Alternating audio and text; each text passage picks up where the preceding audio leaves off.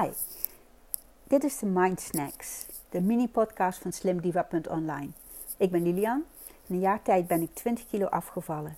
Niet door te diëten, niet door te sporten, maar door anders met eten om te gaan en in kleine stapjes mijn gedrag te veranderen.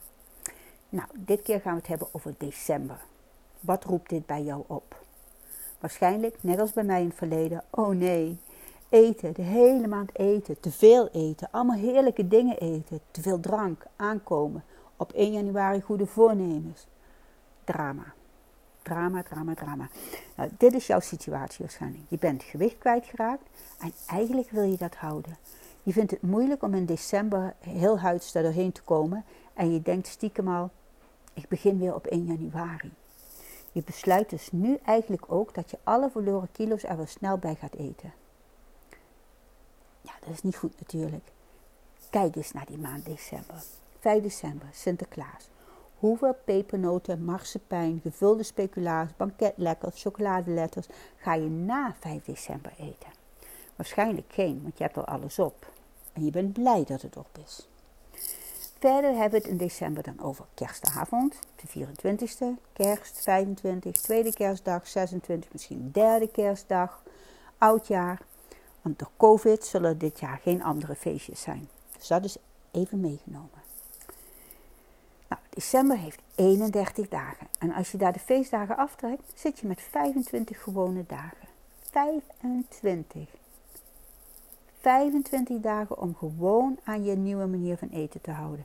25 dagen. Denk aan februari heeft 28 dagen en daar maak je helemaal geen drama van. Maar van 25 dagen december wel. Je creëert drama en hoe moeilijk het zal zijn om nee te zeggen, hoe al dat eten er de hele tijd zal zijn, hoe ander je zullen verleiden tot meer eten. En je hebt eigenlijk dus al besloten dat je weer echt tussen aanhalingstekens gaat beginnen op één of beter op twee januari. Wat je dus doet is december gelijkstellen aan eten. Maar alle problemen die je voor jezelf oproept, zijn maar gedachten. Ga na, wat gebeurt er nu in die niet-feestdagen? Ga je dan volop kerstdinerstijl eten? Nee, t zijn gewone dagen. Maar ergens in je hoofd heb jij besloten dat die hele maand een probleem zal zijn. Maar je hebt een keuze. Je kunt besluiten om in december door te gaan met afvallen. Je kunt besluiten om in december op hetzelfde gewicht te blijven. En je kunt besluiten om in december bij te komen. Ja, Je goed. Je kunt besluiten om in december bij te komen. Je kunt denken, fuck ik ga alles eten wat ik voorgezet krijg. Ik ga niemand wat hoofdstooten door t eten te weigeren. Ik ga me ongans eten en drinken en waarschijnlijk met brandend maagzuur in bed wakker liggen. Je kunt besluiten om alle remmen los te laten. En dan wordt januari en dan paal je zooals elk jaar. En dan ga je weer met een dieet beginnen, weer met shakes, weer met restricties, want je wil afvallen. Wat nu als je besluit dat je niet wil bijkomen? Je hoeft van ook niet af te vallen, maar alle harde werken wat je gedaan hebt om op een lage gewicht te komen, dat wil je niet niet doen. Je wil op één januari gewoon de draad oppakken en genieten zonder restricties van de kerst. Het eten, extra drank, gebak. Hiervoor heb je van voren een afspraak gemaakt. Jij gaat eten wat je wil eten, t is maar één keer kerst, maar in de voorafgaande 2,5 week hou jij je aan je normale eetpatroon. En met kerst is even anders. Die kilo die je daar misschien bij komt, zal ook wel verdwijnen. Je weet waardoor het komt en accepteert dat je niet afvalt, maar ook dat je niet bent bijgekomen op 1 januari. Je herpakt jezelf dus weer. Nou, je kunt zelfs besluiten dat je in december wil afvallen. Je rekent uit welke dagen extra eten zullen hebben. Je bepaalt van voren wat je gaat eten en drinken. Je eet alles wat je wil, maar je overeet niet. En als je genoeg hebt, stop je. En als er meerdere keuzes zijn, verschillende hapjes, buffet, soorten drank, dan kies je iets. Je kunt ook zeggen: Ik eet vijf extra dingen vandaag en niet meer. Drank kan daar een van zijn. Bonbons een ander ding. Jij weet wat er op tafel komt. Misschien maak je zelfs het menu en dan weet je al heelemaal wat je kunt gaan kiezen. Je bent voorbereid, je hebt het zelfs opgeschreven op een briefje als een reminder. Wat je dus in feite doet, is die drama uitschakelen. t is maar eten. En veel van dat eten kun je eigenlijk elke dag opnieuw eten als je dat wil. Maar zelf heb ik besloten om in plaats van een uitgebreid buffet op kerstavond eh, te hebben, heb ik aan iedereen gevraagd welke hapjes ze t liefst willen. Nou, op eens staan kleine sausijzenbroodjes, op twee gevulde eieren en op drie gerookte zalm. Prosecco, biertje, fris staan op de op eerste kerstdag ontbijt samen.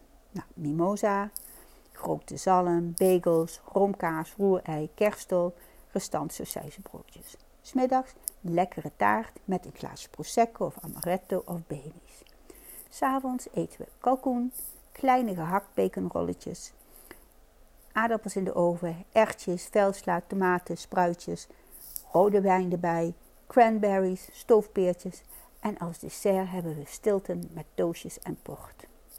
Tweede kerstdag weer salm roerei, kerstol, bagels, romkaas. Taart tijdens koffietijd en avonds lekker hammetje in de oven met pom duchesse in de airfryer, sla, boontjes, cranberries en stoofpeertjes. Dessert is weer stilten met port. Wat niemand dit jaar wilde, stond op niemands lijstje chips, nootjes, verschillende fransche kazen, patés, stokbrood, chocolade, koekjes. Dus die worden dit jaar ook niet gekocht. Maar wat er niet in gaat, hoeft er ook niet af. Vroeger kocht ik dat allemaal wel en het ging ook allemaal op. Meestal door mijzelf, maar niemand zat er dus dit jaar op te wachten. Je ziet dat het dus heelemaal geen dramatische keuzes zijn. Wat buiten t normale patroon is, nou wat meer alcohol, stilte en taart. En daarvan besluit ik zelf hoeveel ik daarvan ga eten. Geen drama, geen toestanden. Iedereen is happy met het eten wat er is. Ze hebben het zelf aangegeven en ze krijgen wat ze echt willen. Maar hoe ga je t aanpakken als je niet zelf beslist wat op tafel komt? Je bent bezig met afvallen en dat weten die anderen misschien niet. Zij kennen jou als diegenen die altijd twee of drie keer opschepte, alles at wat op tafel kwam. En jij kunt van tevoren zeggen dat je niet te veel wil eten. En als je moeilijk vindt om nee te zeggen tegen een tweede stuk taart, gebakken door je moeder, zeg dan hoe heerlijk dat eerste stuk was en dat je je verheugt op alle andere lekkere dingen die ze gemaakt heeft. Kies tijdens het diner eerst proteïne, dan de groenten en laat een leeg plekje op je bord. Denk aan dat je altijd een tweede keer kunt opscheppen. Hou je hongergevoel wat meer in de gaten. Leg focus op het gezelschap. Leg je vork neer als je met iemand praat. kerstgevoel is natuurlijk samen zijn. En niet van, o oh, nu kan ik niet meer. Zoveel gegeten gevoel. Dat is niet goed. Je hebt dus eigenlijk alles onder controle en geniet van t gezelschap. Zonder die chips, zonder chocolade, zonder nootjes. maakt het echt niet minder leuk. Want als dat hetgeen is wat voor jou kerst maakt, dan moet je echt je focus gaan veranderen. Want als jij december als moeilijk ervaart, zegt dat iets over jouw denkproces. Het betekent dat je met restricties bezig bent. En in december wil jij geen restricties, met als gevolg dat je doorslaat en alle kilo's erbij aankomen. En dat je weer aan jezelf gaat twijfelen van zie je wel, ik kan het niet. Ik blijf altijd dik. En als dit het geval is, check dan www slimdiva online Wij kunnen je door coaching helpen om anders te gaan denken en zoo je gewicht te verliezen. Niet door restricties en diëten, maar door te kijken naar wat je patronen zijn en hoe we die gaan veranderen. Samen. Je bent niet alleen. Wij hebben in jouw schoenen gestaan. En als het ons gelukt is om in een paar jaar tijd eh, meer dan 40 kilo af te vallen, gaat het jou ook lukken. Als je in december inschrijft, krijg je van ons maand maandcoaching cadeau. Wij willen dat jij het jaar happy afsluit en optimistisch 2021 ingaat. Jij wordt Veel plezier met alle kerst en alle mooie dagen die er gaan komen.